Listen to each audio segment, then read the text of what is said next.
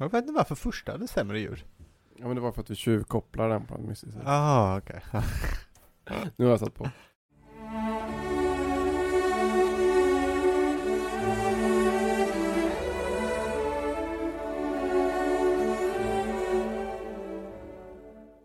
Hej och välkomna till Alla Tiders Podcast. Hallå? Som sänder från Ringön i Göteborg som vanligt. Exakt. Karl-Magnus Julisson heter jag. Och Sebastian Bernhard. Jag hade lite teknikstrul men nu är allting på banan igen. Ja. Surprise, surprise. Evigt. Vi är inte så tekniska. Nej. kanske, kanske smärtsam insikt för många där ute.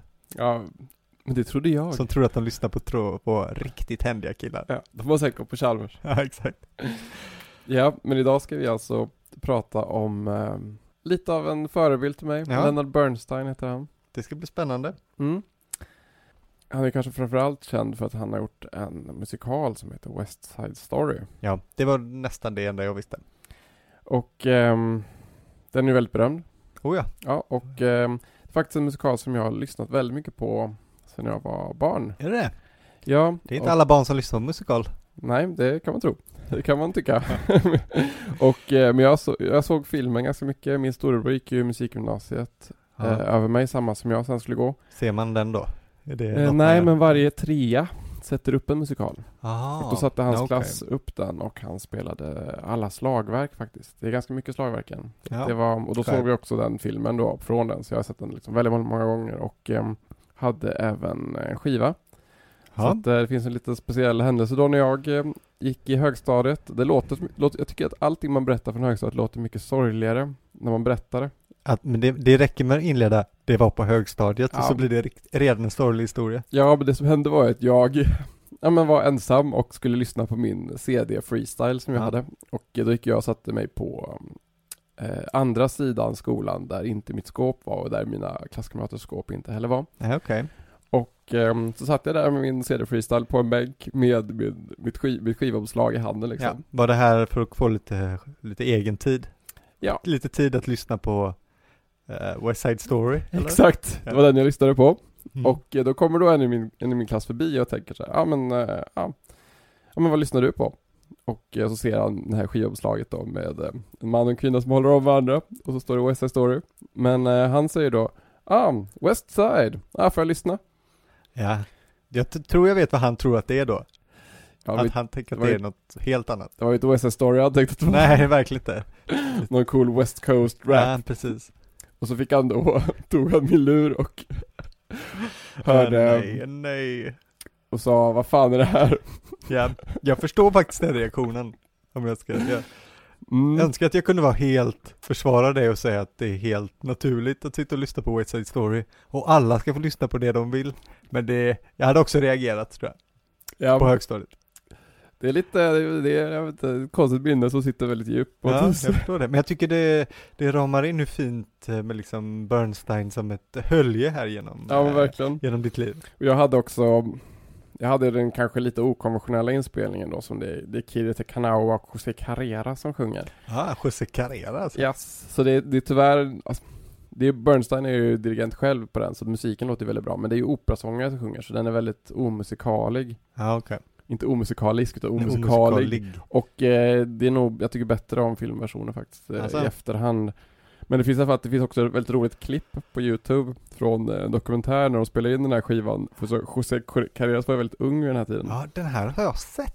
Har du det? Ja. Ja, Men jag du- såg den idag faktiskt. Jaha. Jag skulle göra lite, lite pre prepping för det här. Det var roligt. Det, är ju väldigt, det finns en väldigt kul scen när han ska sjunga 'Something's coming' Mm. Who knows? Du-du-du, du-du-du. Och, ehm, och han kommer ju liksom aldrig in rätt. Nej. Kommer du ihåg den scenen? Han, Ja, han, är det han något hans inte. uttal också? För det är någon... Han är ju spansk Han är också spansk, så att han har han väl kan inte inte riktigt säga så.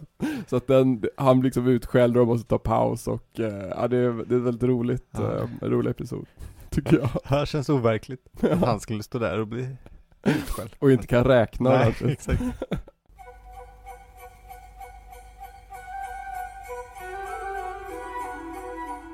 Ja, nej men ehm, jag har ju fått kolla upp Bernstein Mm. eh, lite. Hur eftersom- känns det då? Det känns, det var kul. Mm. Det, det var roligt att eh, på grund av podden så får man eh, bilda sig lite mer Mm. helt. Har jag förändrat ditt liv? Eh, nej, kanske inte. Kanske inte. Men du har gett mig nya horisonter. Vänta bara det här avsnittet är färdigt. Ja, exakt. Då, Då har jag förändrat. vi är in for a ride. Är vi det? Ja det är vi. Åh, det ser jag fram emot. Men i alla fall, vem, vem var Leonard Bernstein då? Ja. Ehm, alltså när jag var liten så var inte jag jätteintresserad av eh, liksom biografier. Utan det var liksom, det var bara musiken eller böckerna som typ intresserade mig. Ja. Att, Hur liten ehm, pratar vi nu? När förändrades det här? Det förändrades ganska sent faktiskt. Okej. Alltså, ja men typ i alltså 25-årsåldern kanske. Ja, okej. Så det är en, ja, jag förstår. Läser du mycket biografier? Eh, ja, men mest över väldigt historiska personer. Alltså inte Mm. författare och, och eh, konstnärer så mycket. Det händer väl Nej. någon, kanske alltså, fältherrar och kungar och sånt där. Så ja. Mö, mycket möpiga saker. Ja, det här är ju extremt mycket coolare att lyssna på West Side Story. Kanske inte, kanske inte, men det är lite mer, det finns en klar bana där. I alla Det, fall våld. det den typen finns. Mm. Ja. Ja, men jag, eh, jag, jag, jag läste inte så mycket biografi i alla fall, men Mm. för jag tyckte liksom inte att livet var så viktigt. Nej Förut. okej, du tänkte verket bara. liksom. Ja, men alltså det har ändrats väldigt mycket. Jag har blivit mer och mer intresserad av alltså hur man hur man gör konst av sitt liv också på ett vis. Ah, Alltså okej. omständigheten runt omkring och sådär. Men det som hände i alla fall, jag tror det här var ungefär fem år sedan då. Och eh, jag låg i soffan en förmiddag Mhm. och var ehm, lite ynklig och skör. Vanligtvis brukar jag eh, ja, läsa hela förmiddagarna. Ungefär så Ja. jag fördriver min tid. Men jag var väldigt bakfull. Och, Med det jag eh, tänkte. Ja, och kunde därför inte läsa. Nej, så bakfull. Ja, ja men verkligen precis Ja, det så. kan man vara i och för sig. Ja. Jag var ju 25 då, det här är min olyckliga period skulle jag säga. Jaha. ja, då så. Mm, Så att eh, var det välförtjänat. då bestämde jag mig för att kolla på dokumentär på SVT Play. Ja. Och det var en om eh, Leonard Bernstein. Ja. Du tog en lätt, Ja. lätt underhållning i bakfyllan. ja, men jag gillar typ historiska grejer. Jo, jag förstår. Jag gör samma sak. Underbar underhållning tycker Ja. jag när man är lite skör. Men det som hände i alla fall är att den här, den här dokumentären börjar med att ehm, man ser honom dirigera. Ja, okej. Och, men man liksom, ja men det är någonting väldigt eh, emotionellt. Det kanske är Mahler, jag kommer inte riktigt ihåg. Och, eh, men istället för att filma bakifrån som man gör ofta på konserter. Ja. Så filmar man honom rakt framifrån. Jaha. Så man ser liksom hans överkropp och hans eh, ansikte. Ja, Och ehm, han har ju en otroligt, eh, vad ska man säga, passionerad stil och han är så himla, himla närvarande. Ja. Och det var så himla starkt. Alltså, Så jag började gråta. oj. Oj, Alltså, det, det var, och det var inte bara bakfyllan. Känslorna som... nej, alltså jag, jag tror att det var att jag var extra skör. Ja, jag förstår. det tror jag. Ja. Så att jag var extra påverkbar. Men det var så himla intensivt och det var så himla starkt typ. Ja, det var fin, fin historia. Och, Ja. eh, Och och det sen- här förändrade allt. Ja men det är i alla fall satt igång någonting. Jag Ja. kollade dokumentären och tyckte den var väldigt bra. Och, eh, och sen dess har jag liksom, nej, men läst massa biografier, jag har sett alla dokumentärer, jag har liksom sett hans föreläsningar. Ja. Och liksom det har blivit någon form av, besatthet nästan. Nej. Jag vet inte. Nej, jag har ju lärt känna dig efter det här. Ja, Då, så att det, för mig tänkte jag att du alltid har kunnat allting om Leonard Bernstein. nej då, nej man kan tro att, eh, alltså musiken, alltså West Side Stories, det har ju alltid funnits där, men jag har inte liksom haft, men jag tycker nästan, ibland tänker jag att jag visste det hela tiden, och därför Jaha. jag gillade musiken. Jaha, Så det andra har bara varit att jag har liksom fått reda på vad jag egentligen hade inuti mig. Vad Mm. jag liksom redan som barn förstod. Ja, jag, jag är också väldigt svag för att tänka så. Jag är väldigt Tänk- platonskt Ja, jag tänker gärna det om språk kanske. mm. Det här latinet, jag har det redan. Ja, du har alltid Ja, förstått det. exakt. Du har bara liksom förläst det. Precis. Det stämmer ju absolut inte i och för sig, men i just det fallet.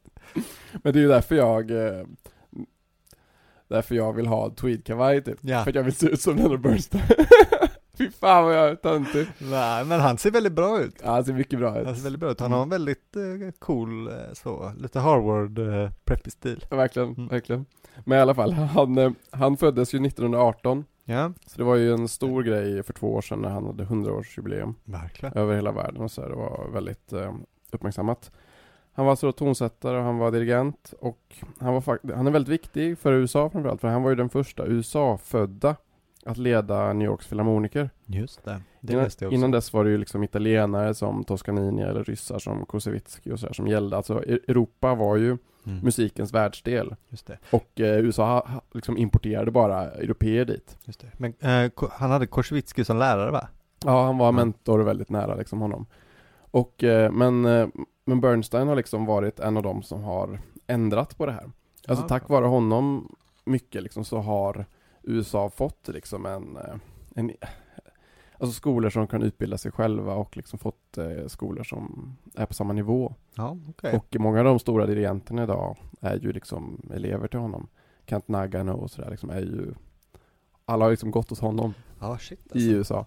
Och det är liksom, det är, det är otroligt stort liksom. Han var en brinnande pedagog och liksom älskar att undervisa. Ja, det har jag förstått. Ja, och kanske en av 1900-talets viktigaste pedagoger överhuvudtaget. Och inte minst då för klassisk musik i USA. Han utbildade ju även alltså flera generationers lyssnare och konsumenter av klassisk musik också. Ja.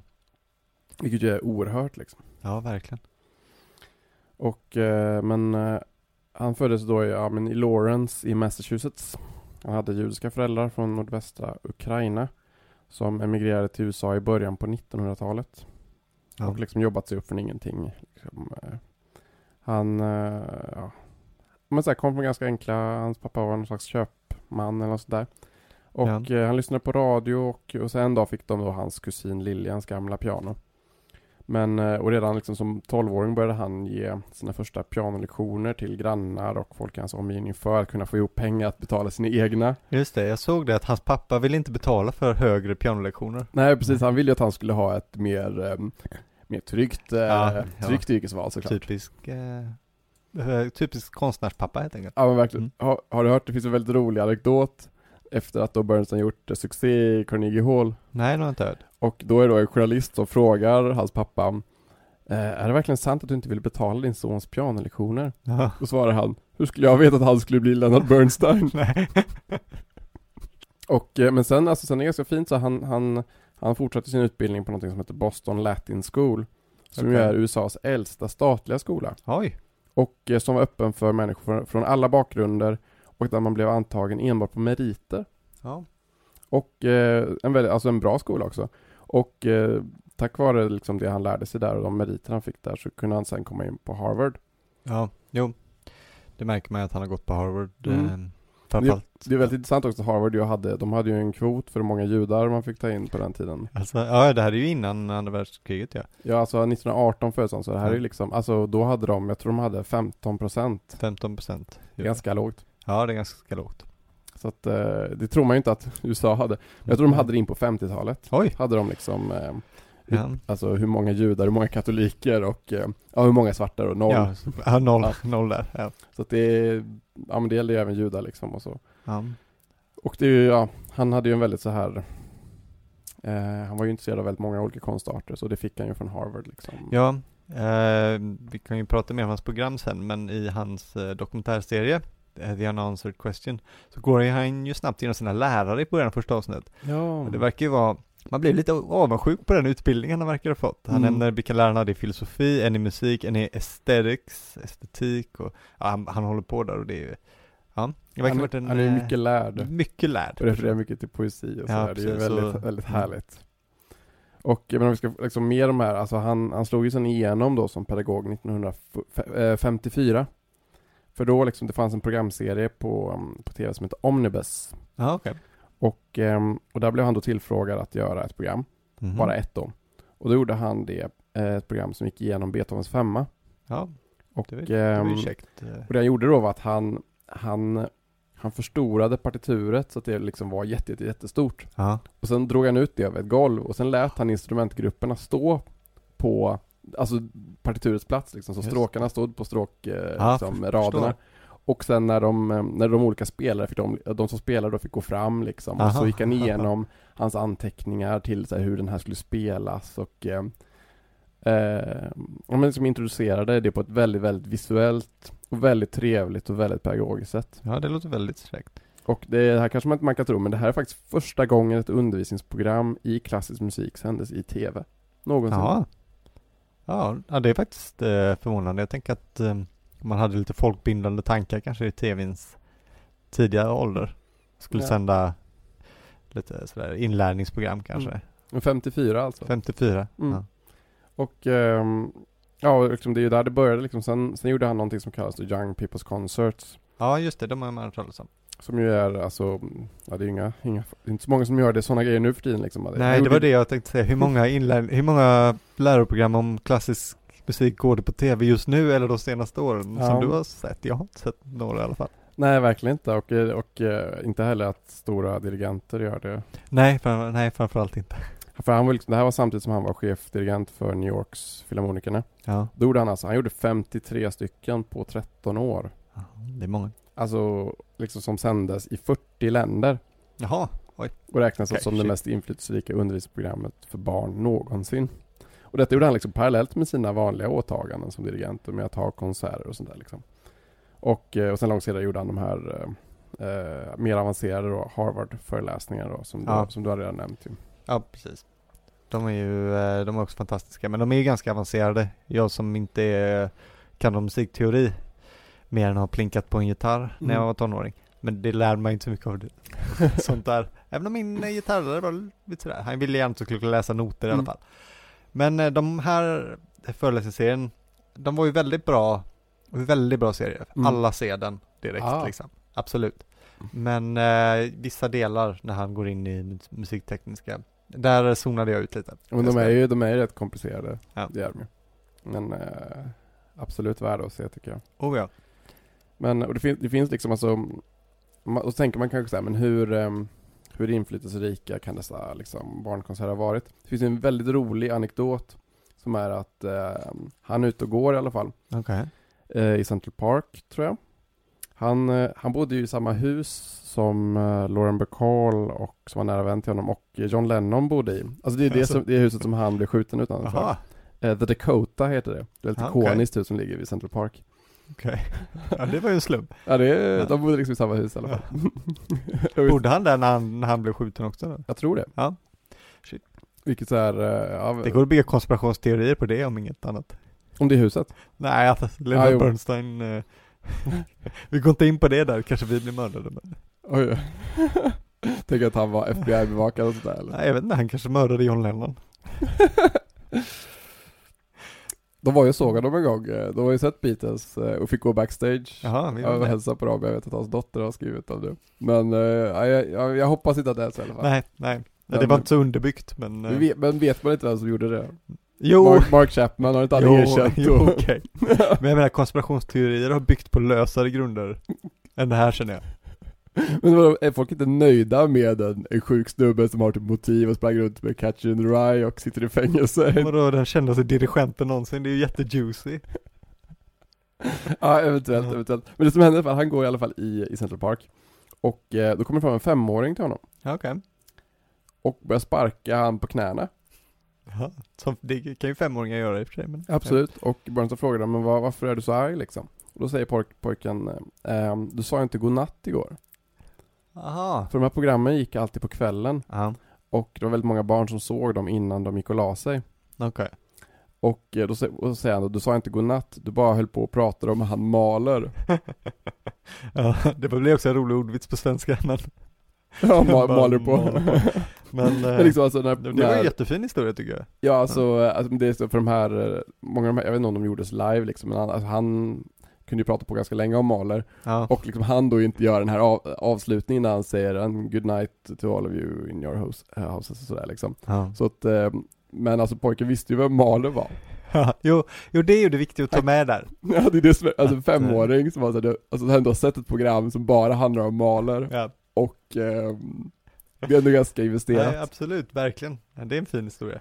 Jag, tyck, jag såg ju en, tycker eh, en liten program om, eller ett litet program, det var två och en halv timme program Ja. om, eh, om Bern, eh, Bernstein som dirigerar Mahler i Wien.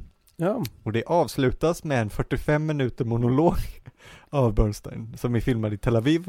eh, Mm. då, där han sitter vid ett piano, där han bara pratar om, ehm, vad heter det nu, Das, das Liebe von der Erde. Ja, ja. Ja. I 45 minuter. Alltså i samband med konserten? Eh, nej, ja, det är i samband med, eh, med programmet om Mm. att dirigera Wien. Ja, okej. Mm. Men eh, det var väldigt intressant att han, eh, han hade sån extrem förkärlek för det här verket, att han bara Ja. maler på helt enkelt, han bara fortsätter. Men det är alltså, den där lusten att aldrig sluta prata är ju liksom en så stor del av, av, av liksom hans eh, persona liksom. Ja. Men det Och- ger, ju, det ger ju den där flärden man ser igenom, när eh, passionen han har för att liksom, Ja, för, för verkligen. att förklara någonting. Alltså han gjorde det verkligen hela tiden. Alltså han gjorde även, alltså varje gång han höll en konsert Ja, I, eh, det här provocerade ju ganska mycket kritiker. okej. Att han varje gång han höll en konsert så liksom skulle han presentera verken innan och stå och prata med tonsättaren och de här verken. Ja, Och liksom han, ehm, han undervisade med vilken musik han valde. Och liksom, eh, han, han stod där och malde på framför alltid liksom. Ibland hade det, det finns ett eh, tillfälle när han också hade lite politiska undertoner. jaha, Han var i Sovjetunionen okej. och så framförde han musik av amerikanska tonsättare och ryska tonsättare i exil. Jaha, ja det var ju känsligt. Han fick då kritik då från ryssarna att han försökte utbilda dem i deras egen musik. Ja, ja jag förstår. Men Bernsteins mål var ju att liksom spränga järnridån liksom, Ja. med hjälp av musik liksom. Ja, det är väldigt tydligt. Det, ändå, det var ju inte så farliga repressalier att de klagade lite i och för sig. Nej nej precis liksom. Det är, men det är väldigt, väldigt, eh, väldigt typiskt liksom. Ja, jag förstår det.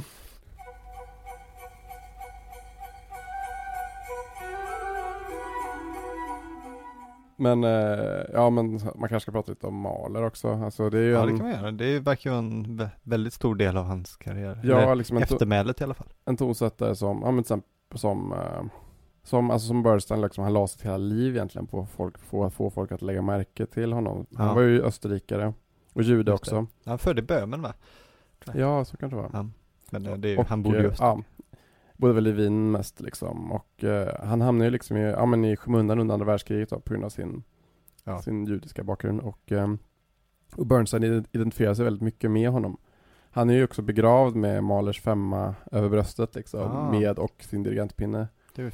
Att liksom att han, det, det är det han, partitur han fick med sig i graven liksom. Och ehm, Alltså när, och Bernstein var ju, som du berättade, liksom, han var ju liksom i Wien för att dirigera Mahler med Wienfilharmonikerna och när han gjorde det första gången så, så rynkade de på pannan. Ja, okej. Alltså det tog ju lång tid att få bort eh, nazismen ur Österrike. Ja.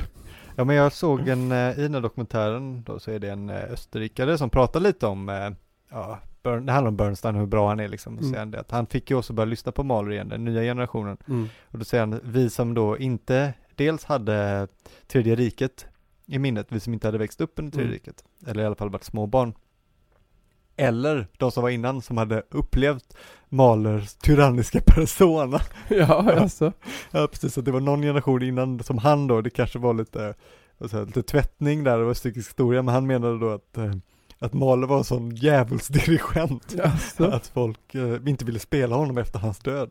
Oj, det, är- det låter också lite som en, så här, Ja, det som, som att han skulle förtjänat det. Ja precis, nej det var lite speciellt men det var Det är så jävla kommentar. Österrike, alltså Ja. bara, alltid bara nazister. Ja jag vet, Om man läser Thomas Bernhard. ja absolut.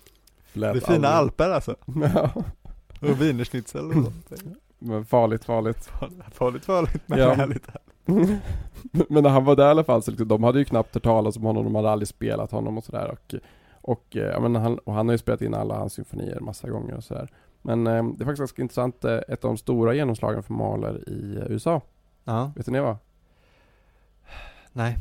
Det var faktiskt ehm, när Bernstein valde att spela Mahlers Adagetto ur femman på um, John F Kennedys begravning. Jaha, så det där, där binder vi ihop allting. Ja, han var ju liksom ehm, Han var ju väldigt, han var ju nära vän med Kennedy-familjen Okej. och nära vän med John F Kennedy.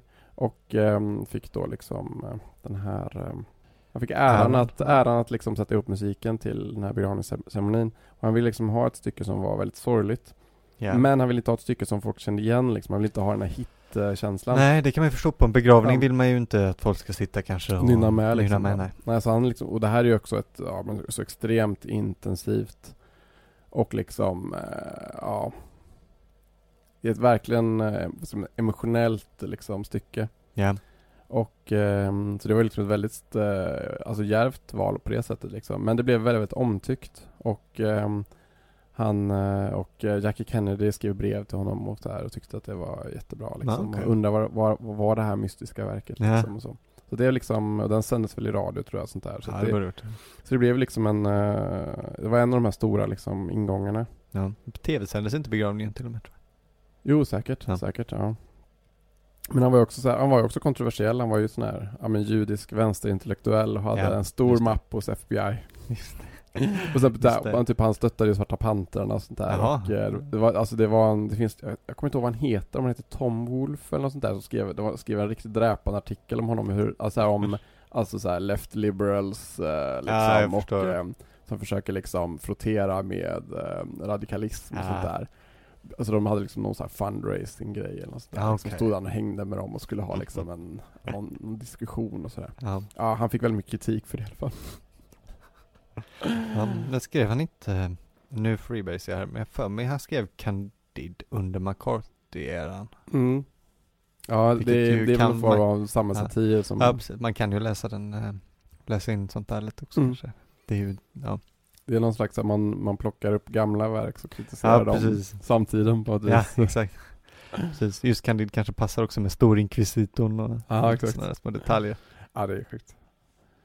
Ja, men alltså här, um, sådana här undervisningsprogram är ju, tycker jag, ja, men så väldigt, väldigt viktiga. Och alltså jag är ju också uppvuxen med sådana här program faktiskt. Ja, okej. Alltså, Ja, um, Några särskilda? ja, alltså inte med Bernstein då, utan jag är Mm. uppvuxen med ett program som hette I döda mästares sällskap. Ja. Som gick liksom i slutet på 90-talet på ettan tror jag. ja. Och det var en professor i pianospel som heter Hans Paulsson som hade det. Okej. Och de satt liksom vid en flygel och så berättade han om de olika kompositörerna och så spelade han deras musik. Var det rikt, men det var riktat till eh, vuxna så att säga, eller allmänheten i bre- mer Ehm, brett alltså, än barn? Alltså, riktat till alla liksom, Ja, men, men väldigt ehm, Alltså väldigt eh, tilltalande och väldigt trevligt och eh, vi kollade på det med familjen liksom och um, och alla repriser och så här. Och det, alltså det har ju betytt jätte, jättemycket. Det Ja, var jag liksom i den tiden då jag då jag själv spelade piano ja. också, så alltså, det var ju ehm, Jag kan ju gissa nu, Mm. utan erfarenhet, att vara, det är inte så många barn omkring som gillar klassisk musik. Nej nej. Att man kanske kan känna sig lite udda ibland. Ja, jag, jag hade ju eh, två fåran. stycken eh, och det var ju mina bröder då. Ja, jo precis. Jo, precis. Här kommer familjen Juliusson. ja men verkligen. ehm, jag var mycket hemma när jag var liten. Nej men liksom jag tänker att, ehm, att det kan vara trevligt att ha ett tv-program Ja, ja, som absolut. eh, appellerar till en. Men du har inte några sådana här liksom eh, program som, som du Nej, har? jag hade mycket, det finns visst böcker som har betytt mycket, barnböcker om historia och liknande, eh, som var väldigt viktiga, men jag har inga minnen av några program. Ehm, ja det fa, nej, nej faktiskt inte. Men jag, bara, jag kollade ju bara på liksom helt annat. Det var långt innan med mina SVT-dagar. Jag hade ju Nickelodeon när jag var liten, jag tittade ju inte på Oj, det, har- det har jag aldrig haft. Nej, jag hade, Mm. hade allt sånt där så att eh, jag hade helt annat för mig. Det låter för sig väldigt roligt. Ja, det var jättekul faktiskt. Jag njöt varje sekund. Men eh, också ehm, 2018 så kom det också en, ehm, eh, en bok som, skrev, som skrevs av eh, Bernsteins dotter. Ja, En biografi då som hon heter Jamie Bernstein. Och um, på tal om det här med liksom undervisningen. Eh, Bernstein var ju gift med en argentinsk skådespelerska. Jag tror- Jag tror hon är argentinsk som hette Felicia Montealegre. Mhm. Och ehm, då, finns det, då berättar då Bernsteins dotter att ehm, när de var nygifta Ja. så körde de bil då från Massachusetts ner till Mexiko. Och ehm, det jag gjorde då var att han, ehm, han, eh, jag tänkte säga förhörde, men han höll lektioner med henne i engelsk grammatik då, ja hela vägen ner. Och det sägs då enligt dottern att eh, varje morgon när de satte sig i bilen igen så sa han Du kommer ihåg igår dagens lektion? ja, väldigt eh, romantiskt. Nej, inte så. Nej, Men han, ehm, alltså det, det är en väldigt rolig biografi liksom. ja, jag men, ehm, förstår. det. Det finns ju rykten om att han inte var så intresserad av just kvinnor heller, så det kanske... Eh, det är inte bara rykten så Nej, att säga. Mm, Det, Det- kommer lite grejer på den sen Ja, tänker okej. Nej, jag tänkte, men det kanske hade, kanske jag. Ja, Men vi, också för sig- förklara varför han... men vi kan ju för sig ta det. Ehm, Ja. Alltså, alltså han var ju homosexuell. Ja, okej, det är liksom fast Det är Ja. väldigt fastställt alltså. Det, för att det var så här 2013 så släpptes hans eh, brevväxlingar med hans fru.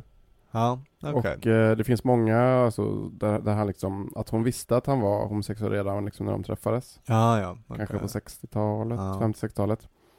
Liksom med att hon älskar honom och vill gifta sig med honom i alla fall. Ja. För att liksom, ehm, för det här var ju liksom en av, ja, när han var yngre. Och jag vet inte om, jag kommer inte ihåg när de träffades. Men liksom det var ju typ under en av USAs kanske sämsta tider någonsin. Som ju är den här McCarthy-eran. Ja, Som var både anti-gay och anti-kommunistisk liksom. Och där minsta rykte om att vara homosexuell eller kommunist räckte för att man skulle bandlysas från hela industrin och förlora alla sina jobb och eh, Ja det är ju riktigt vidrigt och eh, totalitärt och ja. ja. Ja, Det var en dåligt och kanske var både vänster, lite vänstersvängd, Och jude, jude och homosexuell dessutom. Ja men Då verkligen. gäller det att hålla, hålla låg profil. Ja, men verkligen Kanske gärna liksom- gifta sig men Ja, så att, eh, argentinsk skådespelerska. och de fick ju barn och sådär liksom. Ja. Men, men sen hände det, sen liksom tiderna förändrades ju. Ja. Och eh, på 80-talet så började, alltså när han var ganska gammal då liksom, så, så började Bernstein ha, alltså, ha öppna relationer med män. Aha, så det okej. finns många, alltså Ja. många riktiga som vi vet liksom och så. Och ehm, det finns liksom, ja, vissa människor, vissa har liksom varit lite kritiska liksom till den här perioden. För att ehm, ja, men han kunde kanske vara lite grym då. För hans, Ja. ehm, hans fru rökte ju väldigt mycket, precis som Ja, han gjorde. Ja. Och eh, hon fick ju lungcancer. Okej. Och eh, så det hände liksom på slutet där att de hade någon slags grej att han men att, att han kunde lämna henne då liksom och vara med Ja, han var med någon annan Ja, liksom. i liksom i stugor och sådär och Ja, på resor så Istället för att liksom ta hand om henne när hon var Ja, liksom jag döende förstår. och sådär Ja, det är tråkigt. Och eh, så det, ja, det var, det var inte jätte inte, det, ja men det kanske inte var jättesnyggt Nej, Men Nej, just, eh, just snyggt var det. det är väldigt lätt att folk gör fel i sådana situationer också Jo, Framförallt om man, liksom, om man har liksom undertryckt sin sexualitet i 60 år liksom Ja, precis. Nu är det, kan känna att det är dags nu. Ja men verkligen Och eh, det var alltid med yngre män och sådär liksom Ja, det- som, som höll på med klassmusik Han var ju så kändis. Ja, så att eh, folk har varit lite kritiska där liksom. Ja. Och eh, ja, det kan Lite man väl som- vara. Lite som eh, Oscar Wilde var också. Han var förhållandevis lyckligt gift med sin fru. Ja, De ja. gillade ju varandra väldigt mycket, även om han ju också var eh, hyfsat öppet homosexuell. Så öppet man kunde vara. Mm. Ja men eh, man kan ju tycka om varandra då, någon Ja, slags jo, eh, absolut. allians. Det har säkert i historien varit en väldigt vanlig eh, Mm. kom, kombination. Ja, ja visst. Men någonting som jag har tänkt på som är, som jag tycker är så himla fint. Ja. Har du sett West Story? Nej, jag hade verkligen planerat att se den nu. Men varje kväll så så ska vi se West Side Story nu? Nej, jag tittade på, jag tittade på Mm. lite andra saker av honom. Ja, Okej. Mm. Men eh, det finns en, en låt där. Som Ja. jag, du kanske har hört den ändå. Som heter Somewhere. Ja, den har jag hört. Som är så brutalt fin. Det är ju när, det är när Tony och Maria liksom att de, de har insett att de inte kommer få varandra. Att de aldrig kommer kunna få varandra och att allt är liksom kört. Ja. Och då sjunger de Okej. det här There's a place for us Somewhere a place for us Peace and quiet and open air och så här. Och Ja. ehm, There's a time for us, someday a time for us We'll find a new way of living och sånt där. Ja. Och eh, väldigt, väldigt fin, fint stycke liksom. Men eh, det man kan liksom tänka på då, eller som jag brukar tänka på, Ja. det är ju liksom att han som skrev manuset till hela uppsättningen, han heter ju då Arthur Lawrence. Okej. Och sen Leonard Bernstein. Ja. Och sen koreografen då som heter Jerome Robbins. Ja. Och textförfattaren som heter Steven Sondheim. Okej. Alla de var ju homosexuella. Ah, jag tänkte det skulle komma en eh, sån. Alla var också judar. Ja. Liksom, och även han som spelade Tony var ju, alltså i, i riktiga, i uruppsättningen var ju homosexuell. Ja, okej. Så liksom, med det i åtanke blir låten liksom ändå så otroligt stark liksom. Verkligen. Verkligen. liksom det, så här, det handlar liksom inte bara om Nej, Maria och Tonys omöjliga kärlek liksom. Nej, precis. Nej, det blir en anthem för all omöjlig kärlek. Ja men verkligen liksom, och en, alltså, också så, en så delad och djup liksom sorg över att inte få vara den man är eller tycka om det man vill liksom. Och, Just det. Liksom försöka föreställa sig en helt annan värld där man skulle få vara sig själv liksom. Ja. Ja, det ska jag tänka på när jag ser filmen. Ja, alltså mm, jag tycker det förändrar låten helt liksom. Ja, jo men det, det, här, det förstår jag. Det blev, ja, det blev så otroligt ehm, Lyfter ju ut den lite ur, kanske ur, ur pjäsen eller musikalen till viss del och gör det till en eh, mer allmän mm. låt som passar. Ja den är så, alltså, den är så fin. Ja, jag blir, ja, jag blir, typ såhär tårar bara att tänka på hur, hur fin den är och eh, okej. hur liksom, eh, ja men hur starkt det blir liksom. Ja, jag förstår. Ja.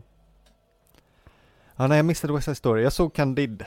Ja, har du Eh, sett hela? Jag har sett hela. Jag Okej. såg den på, eh, också, som vi tipsade om i ett annat avsnitt, på YouTube fanns den inspelad. Ja, ja. Från eh, Skottland någonstans, det var en BBC-inspelning. Med Leonard Bernstein i publiken. Ja. På slutet alltså. Såg typ, han ut att vara glad då? Ja, han såg han ställde sig upp och applåderade och tog emot hyllningar. Ah, ja, Mm. Han såg pigg och krut, det här var 88, så eh, något i åren. ja. Men, eh, och den var ju, den var väldigt rolig.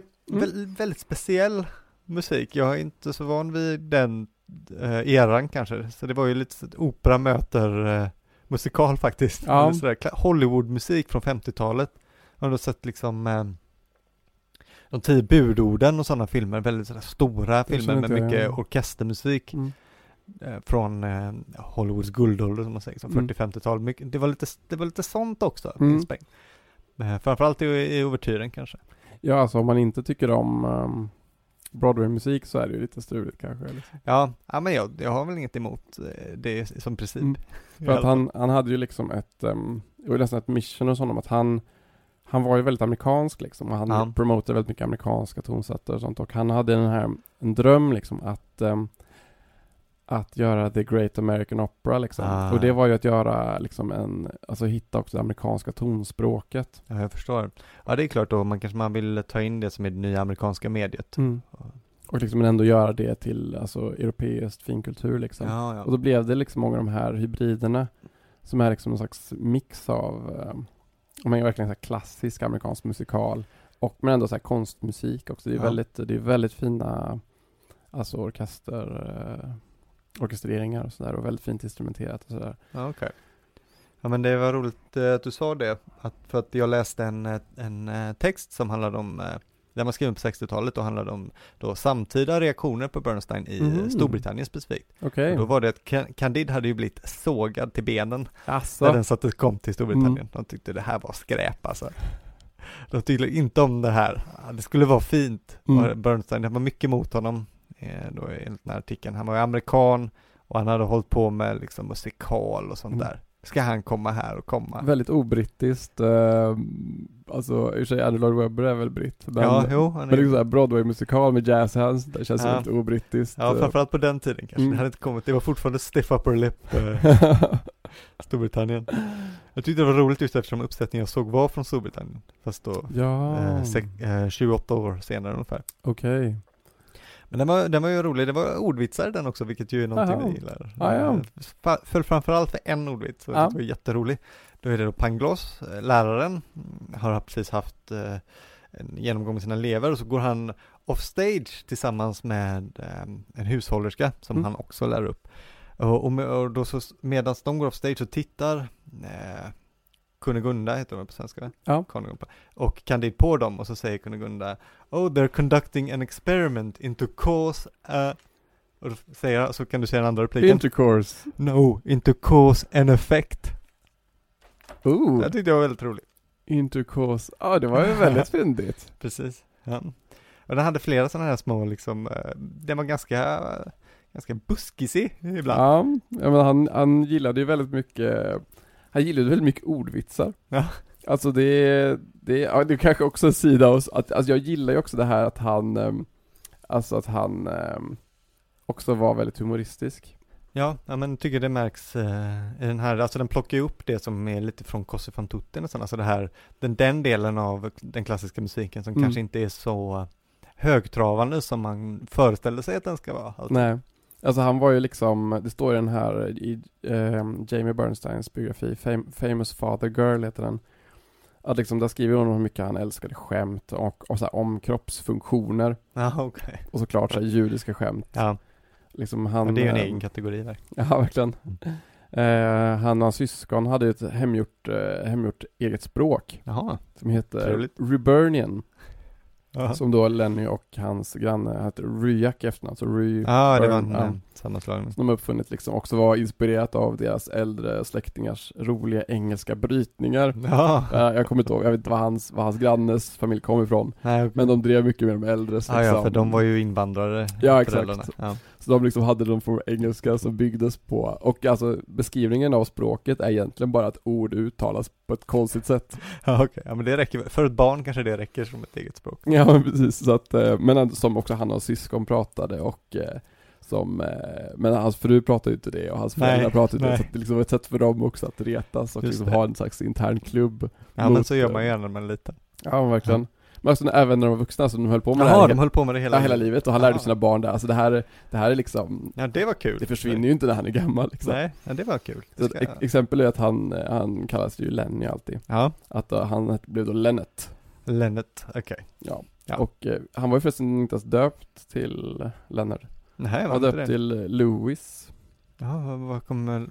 Hans föräldrar kallade honom Lennart, så han bytte namn när han var fem, 15. Jaha. Men okej, vänta här nu. Varf... Varför kallar de honom Leonard då? Lou... Louis brukar man väl... Nej, det gjorde, de- gjorde de inte. Nej, gjorde de inte. Jag kallar det Leonard. Nej, men okej, jag förstår det. Lenny och Leonard och Ja. sådär liksom. Och så, Kallas man något så Mm. vill man väl heta det kanske. Ja, så då bytte han när han var 15. Ja, ja, okej. Ja. Ja. Och visst, sen brukar de så här, ehm, han, ehm, han brukar typ leka anagram med sin familj också. Jaha. Alltså jag ju sett, jag tror jag har sett parodier av det, sån här, eh, i någon sitcom typ, när man kommer hem till någon, man, är någon snubbe som är kär i någon tjej. Och Ja. sen har hon en sån här väldigt så här, akademikerfamilj.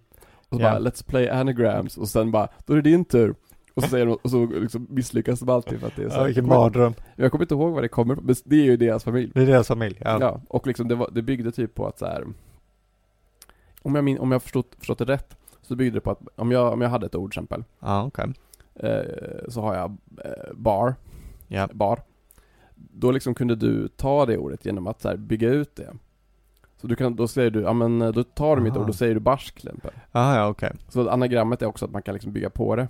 Ja. Ehm, och, då liksom, och då kan jag göra ett anagram på ditt ord med nya bokstäver. Och så, så får, liksom, bygger man längre och längre liksom. Jaha, ja. Typ liksom, eh, ja men vad kan man göra på barsk? Eh, skarabé. Ja, okej. Så tar jag den liksom. Och så höll man på sådär fram och tillbaka. Så det höll de på med. Ja, men Och roligt. det var bara en då som är, eh, som var um, hans överman. Ja. Det var ju Steven Sondheim. Ja, Han som skrivit alla vi- vitsiga sånger och alla rim och sånt där. okej. Han var en riktig ord... eh, Han var- en ordsmed, som man Verk, säger. verkligen. Det är han som gjort eh, texten till den här, vad fan heter den? Sweeney Todd också. Jaha. Han har ju skrivit massa Okej. musikaler liksom, alltså texten då. Och är ju jättekänd, Steven Ja. Sondheim. Mm. Ja, det är en klassiker. Jag har Ja. inte sett den heller tyvärr. Va? Nej. Nej, jag har inte gjort det. Jag har inte sett så många musikaler. Alltså jag gillar ju inte musikaler, men jag har ju sett dem ändå. Jag gillar West Side Story. Jag har sett Sound of Music. Nej, Den är väl bra, Klassiker. eller? Jo, alltså ja, den, jag har inget emot den. Jag såg Cats en gång live, minns ingenting. Ja, den har inte jag sett. Nej, kommer inte ihåg någonting. Däremot har jag läst boken. Ja, T.S. Eliot. jo, jag- Ganska dålig bok. Jag tyckte Jo. inte den var bra. det var ju någon som tog upp det i någon recension nu på den här sågade nya filmen. Mm. Som ser ut som att de har filmat i helvetet för det är så fruktansvärt där. Bara baserat på trailern, animationer. Men det var någon som har tagit upp det att det är en så att säga, fruktansvärd film baserad på dålig musikal på en jättedålig bok. så det är fel hela vägen. Det här kan inte bli bra. Släpp det här projektet nu. Nej men, man kan ju inte bygga på någonting som är Nej. dåligt i alla led. Nej, exakt.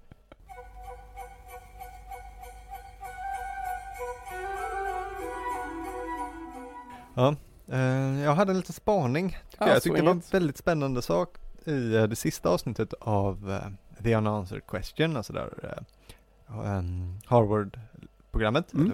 samling lektioner på Harvard som han håller, med musik i slutet och sådär. Och jag behöver bolla lite här med dig så att säga att jag förstår rätt då. Mm. Men i sista avsnittet så går det ju går det in i samtid nästan, eller går in Ja. i 1900-talet. Mm. Och då handlar det ju väldigt mycket om tonalitet Ja. och inte, och motsatsen. atonalitet. Och atonalitet, precis. Och 12 eh, tonskalan till exempel då kanske Mm. man kan tala som en motståndare om jag förstår rätt. Ehm, Eller det, det, det bryter i alla fall mot det traditionella systemet. ja, han, det är väldigt komplicerat det där för att just att ehm, det beror på vem, vems eh, 12-tonsskala. Alltså Aha. Schönberg skriver ju 12-ton, så det var han som uppfann det. Ja. Men hans musik har ju tonala inslag ändå för att man kan ju inte, han flyr inte från det heller. Det är, Nej, väldigt, det är väldigt komplicerat typ hur, Men det är spännande att du Mm. säger det, för det kommer in där att man kanske gärna vill ha det tonala ändå, för att mm, Bernstein försvarar ju väldigt starkt tonaliteten ja, i det här avsnittet. mm, Eh, och vilket intressant tyckte jag att han tar upp Stravinsky som den stora räddaren mm. för tonaliteten. Kanske inte det jag skulle tänkt instinktivt, som inte kan någonting när jag lyssnar på Stravinsky, det kan vara eh, nog så knepigt. Det är ju kärvt men det är Mm. inte, ehm, Oidipus rex Mm. tycker jag i och för sig, den är rätt, den går igenom hyfsat Mm. lätt tycker jag. Den men det är ju, men det, den tillhör ju hans eh, neoklassiska tid. Ja okej, det Och den är, ju, den är ju väldigt, och den är ju väldigt tonal, den, den är ju, alltså, nyklassiska musiken, alltså, om man ska säga det på ett snyggt sätt, alltså bygger ju på, alltså,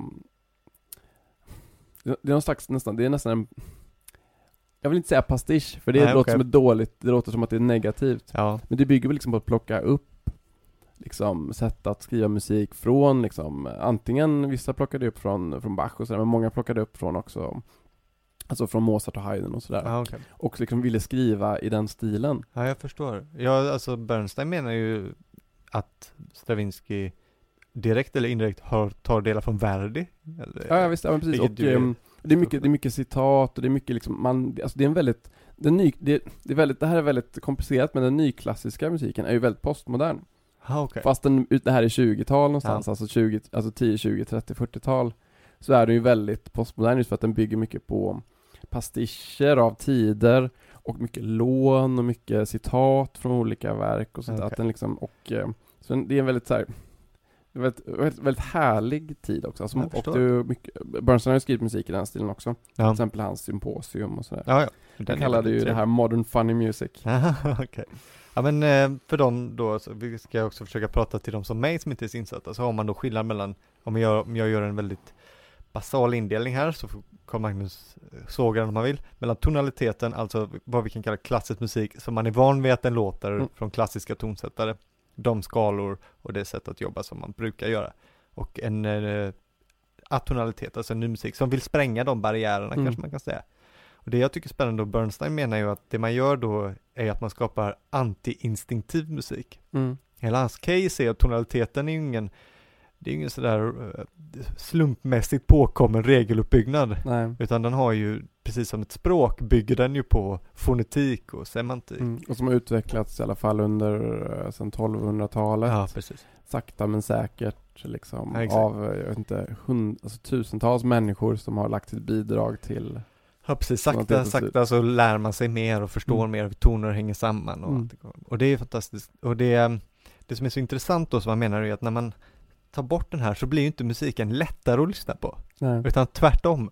Det som är så, det som är så ironiskt nästan är att när man ska spränga barriären här och att man skapar musik som är mycket, mycket svårare Mm. egentligen. Ja. Och det här tycker jag är spännande för det, för mig påminner det om eh, poesins utveckling under 1900-talet. Ja, ja. Ehm, alltså att man går ifrån ett, äldre poesi är ju väldigt versstyrd. Mm. Man går efter versmått och rimscheman och allting sånt där som ska, som kontrollerar in språket för att skapa poesi. Mm. Men eh, modern poesi har ju, har ju kanske ofta sina egna regler, men de, det finns ju inga sådana här klara och tydliga strukturer på samma sätt. Man räknar inte stavelser. Man räknar inte stavelser framför allt. Eh, och jag vill vara tydlig nu med att jag inte gör en bedömning av kvalitet. Lite personligen, jag föredrar traditionellt kanske, men, men eh, alltså ingen, ingen beskrivning av kvalitet, men man får ju ändå erkänna kanske att mycket modern poesi är svåråtkomligare Mm. än eh, tidigare. Man får ju liksom hitta andra motstånd än, för innan dess handlade det om att säga, men det här ordet har fel antal stavelser och Ja, så här, hur ska jag kunna rimma det här med rad fyra? Alltså, man hade liksom väldigt praktiska Ja, och många sådana praktiska mm, hinder skapar ju oftast mening också. De gör ju det, men det är som om man tar, Men tar man bort dem så måste man hitta andra sätt att, eh, med att jobba liksom. ja precis. Ja, för det är ju inte så att Ann Gärdelund är lättare att förstå än eh, liksom, eh, ja, en eh, Geijer eller Tegnér. Nu tycker ju inte vi flera att de är så jävla roliga, men om vi tar, föredrar ju Jäderlund. ja, faktiskt. Men om vi tar Shakespeare till exempel. Mm. Men det är min poäng egentligen inte kvalitet, utan det är det som är inte intressant, det är att vi har kommit till stället där det är, poesin blir väldigt, eh, alltså den är lite antiintuitiv kanske. Ja, För att väldigt det, intellektuell den är och väldigt cerebral. intellektuell, och exakt. Mm. Den, eh, när man så att säga, jag tänker att idén var någonstans kanske ändå var att man skulle frigöra poesin Mm. Och språket från de här barriärerna som fanns. Men det som man kanske också gör är att man skapar ju nya personliga barriärer. Alltså Mm. var och en får ju då sätta upp subjektiva barriärer som ju ingen annan. Det känns också, det är ju sådär, det finns ingen frihet utan varje gång du, du liksom befriar dig från någon typ så, Ja, precis. så Så finns det nya galler och nya stängsel. Ja, precis. Och eh, vi kan ju också, samma sak där med modern konst och också Alltså om man, man går Mm. från rent, det rent avbildande och som man hade tidigare så rör man sig också kanske mot en stil där det blir mer abstrakt ju. Mm. Det finns ju konst ibland som, om man ska vara lite elak, där själva konstverket är ju nästan att läsa deras konceptbeskrivning. Ja, ja men det Man finns behöver, liksom, man behöver liksom inte kolla på, på stolen och den här ståltråden utan det räcker egentligen med att läsa vad det symboliserar och så ska man liksom det här teor- teoretiserade resonemanget kring Nej, precis. och sen bara, ja visst, och så är det en stol också. Precis. Ja men det, jag tycker det var en så spännande sak som han satte fingret väldigt bra på. Mm. Det här att, eh, alltså att bara för att man tar bort regler för skapandet så blir det inte så nödvändigt att det blir lättare att antingen både att göra eller att ta till sig. Nej. Samma för samma med versmåtten är ju inte baserade, precis som tonaliteten Så det är ju inga slumpmässigt påkomna regler. Nej. Utan de bygger ju på språk, olika språks inneboende kvaliteter för att försöka få fram ett språk man tycker låter så fint som möjligt eller som är så lätt att komma ihåg som möjligt. Ja, ja verkligen.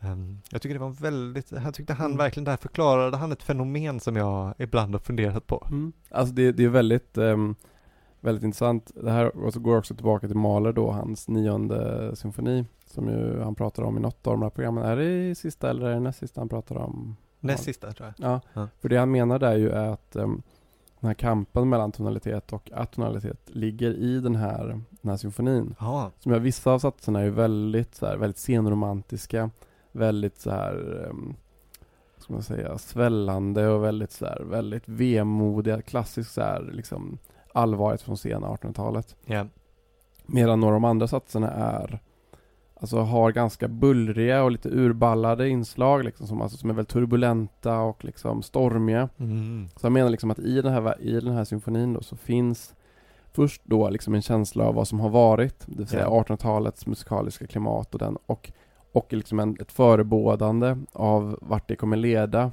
till Ja. liksom eh, mer bullrig musik och en mer liksom kaotisk musik men också, han drar ju mycket växlar på det här, också en mer kaotisk värld. ja, Två världskrig, ja det är klart. två världskrig och liksom eh, atombomben och liksom, att, liksom att det finns en slags det kaotiska i musiken förebådar också en Ja. kaotisk, ett kaotiskt 1900-tal. Precis. Han, men- han menar ju att det är en profetisk symfoni på Ja. riktigt liksom. Okej, och ja, den, den- det, får, det ska jag ta och lyssna igenom ordentligt. Den är, den är lång, den är en timme typ. Ja, okej. En timme och tio minuter. jag tar den i etapper. Men eh, Alltså den känd, alltså det sista, den här koralsatsen som är i slutet är ju otroligt vacker. Den påminner lite om Ad, Adagietto till femman. Okej. Men eh, den, förebå, alltså, den föregås av en väldigt, väldigt eh, svårtillgänglig och bullrig och stormig liksom sats. Ja. Och eh, då ska man inte, då ska man inte eh, fuska och hoppa över den för att det, det, det, det här är verkligen någonting som jag eh, tycker är väldigt viktigt. Okej. För att om man om man, liksom, om man lyssnar igenom den här otroligt bullriga och väldigt liksom, väldigt eh, dissonanta liksom, satsen som är där. När man sen kommer in i, slut, i slutkoralen då som är väldigt klar och väldigt liksom, eh, den är väl, alltså den, den illustrerar liksom, alltså ett döende och Okej. sakta så, liksom, så um, fejdas den ut. Men den här, den här klarheten i den Ja. och den, melo- mo- melodiösa i den blir så otroligt drabbande när det, liksom, när det kommer efter den här totala liksom, kaoset innan. Ja. Det, blir som, det blir mycket, mycket starkare då. ja, det är klart. Mm, det är klart. Så Ja. att, eh, och det är väl det, det är väl en viktig lärdom tänker jag, för, alltså som också många moderna tonsättare idag också har att Alltså att eh, man kan liksom spela på båda de här grejerna och Jag att förstår. atonala förstärker de tonala inslagen liksom, och, eh, och det är liksom i, däremellan så uppstår det någonting som också är väldigt, väldigt, de, de gör varandra bättre. Ja men det är ju skönt hur du landade i eh, så att säga, Syntes. syntes, precis det. Ja men jag tyckte det var en spännande sak också som man sa i samband med det var att det känns som att han menade lite att det här är en väldigt tysk idé, Jaha. atonaliteten. Alltså han går in lite i idén om subjekt, alltså konsten som, som subjektiv, till Mm. skillnad från objektiv då. Han har en snabb där. Men Tänker kan- han på eh, tyskarnas byråkrati då? Och, Nej, nej det var inte riktigt det. Nej, inte pratade det. liksom om den här eh, att, eh, att tyskarna, det fanns en tysk då om att konsten då skulle avspegla eh, musiken från kompositörens egna känsloliv. ja, ja. Att det var- mm. En förlängning av mig själv. Han menar ju då att till exempel Stravinskys eh, Peruska tror jag det inte gör det. Den ska beskriva en rysk situation. Mm. Så att det är alltså objektiv konst, det är objek objektet som är det viktiga, inte Ja. subjektets grej. Och han menar, då blir ju då tonaliteten ett, ett hinder för subjektet såklart, kanske. Mm. Han hade en väldigt, väldigt bra eh, citat när han pratar om eh, Beethovens eh, sexa och sjua, alltså hans Mm. sexa och sjunde symfoni och då är det någon intervjuare där som frågar honom hur kunde han skriva det här under så svår period? Och då säger Bernstein att eh, There's a popular myth that composers write the way they feel, which simply isn't true. Alltså Ja. att det finns, det är en myt att, oh, det är väl så, konstnärer Mm. alltid producerar det de känner. Så är det ju liksom inte. Ja, det, är- det är en så bisarr sak att Ja. tro liksom att det är också. Ja, verkligen. Jag tyckte det var skönt. Jag tyckte att han, eh, han delade min bild på hur världen ser ut. Ja visst och ehm, även en konstigt som jag kan köpa. Ja, verkligen.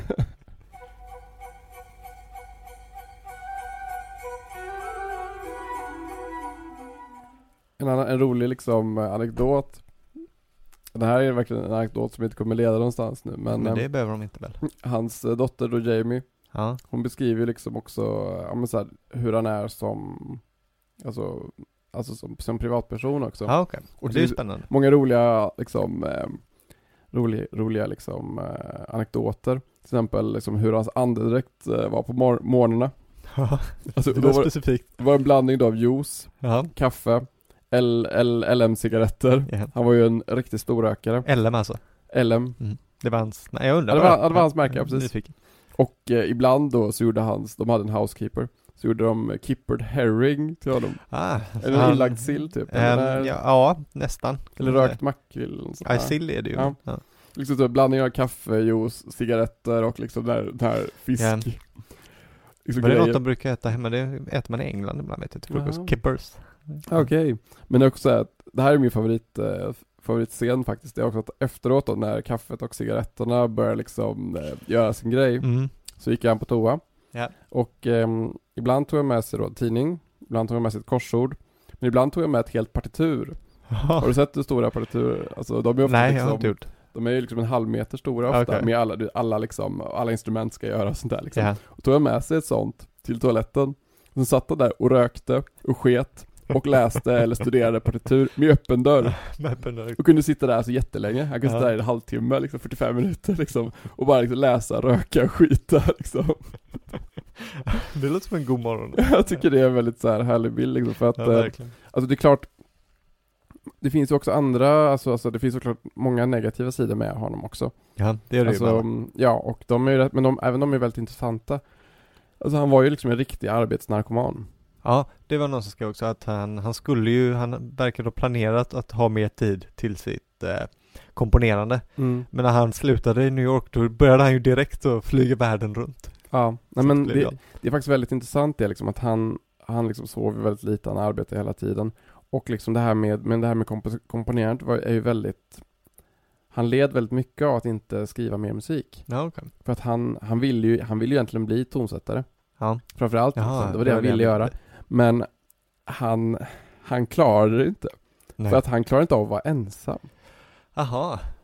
Nej, nej, han, nej, gillar man att prata så kanske man behöver prata Alltså med han var ju liksom även ett salongslejon liksom. Ja. Att han, och han umgicks alltid med vänner och så. När han åkte iväg till stugor typ för att komponera så kunde han typ inte göra det liksom. Måste man komponera i en stuga? Kan, kan man inte komponera? Nej, men han jobbade liksom hela tiden Ja. och ehm, men, så att han, men det är också väldigt intressant ju för att han blev väldigt kritiserad ju för att han ja, tyckte om populärmusik och så Mm. att folk inte tyckte han var tillräckligt seriös.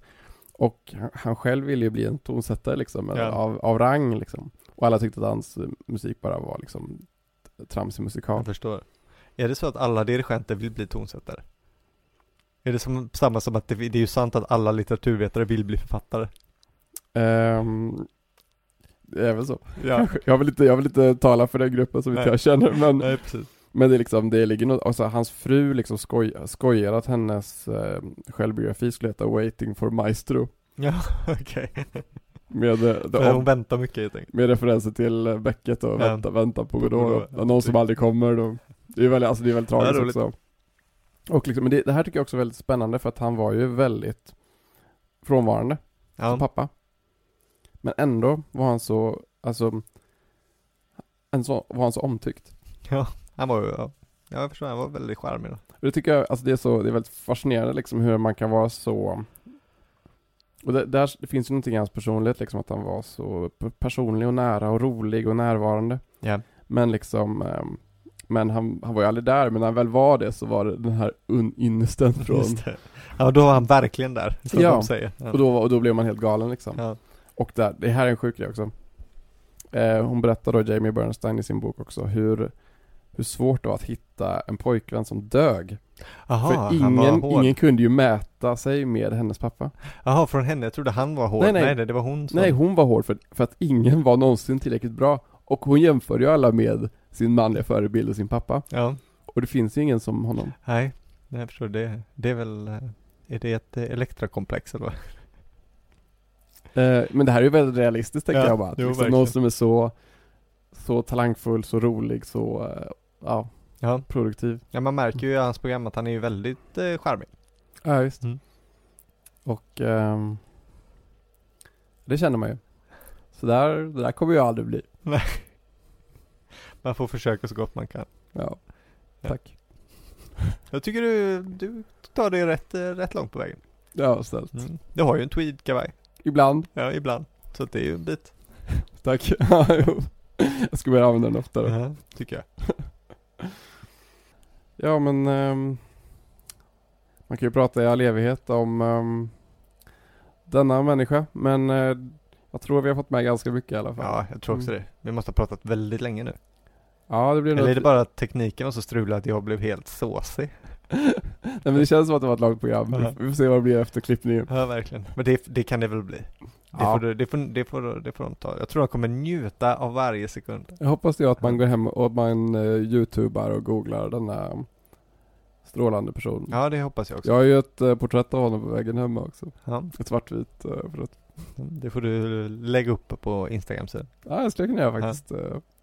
Ja det skulle jag kunna Precis. Just det. Nu ska vi plugga här. Om ni lyssnar på det här så får ni följa oss på Instagram också. Ja, För det, vi har ju en Instagram-sida. Ja Och ibland säger vi ju saker om bilder så då brukar de dyka upp där. Och sen har vi också en hemsida där vi lägger ut, för, för det är så att vi, vi, vi refererar ju ibland till massa böcker och skit. Ja, Och, ehm, och där lägger vi ut då, alltså alla de böckerna som vi har läst och så här, var, var, all, var all info kommer ifrån. Men också var, var, vad det är för musik som spelas och ehm, Ja, man kan också gå in och kolla typ vad, vad om man så undrar, vad var det där kyrkan som de pratade om Ja, i precis. avsnitt två? Så kan man se en lista på alla de kyrkor vi pratar om och sådär. Precis. Jättekul. Så kolla allt det. Så- Och så Facebook såklart. Ja, såklart. Precis. Överallt, alla tiders. Ja, alla tiders. Mm. Ja, är vi färdiga? Ska vi gå och dricka öl? Ja, tycker jag. Härligt. Hej då. Tack och hej.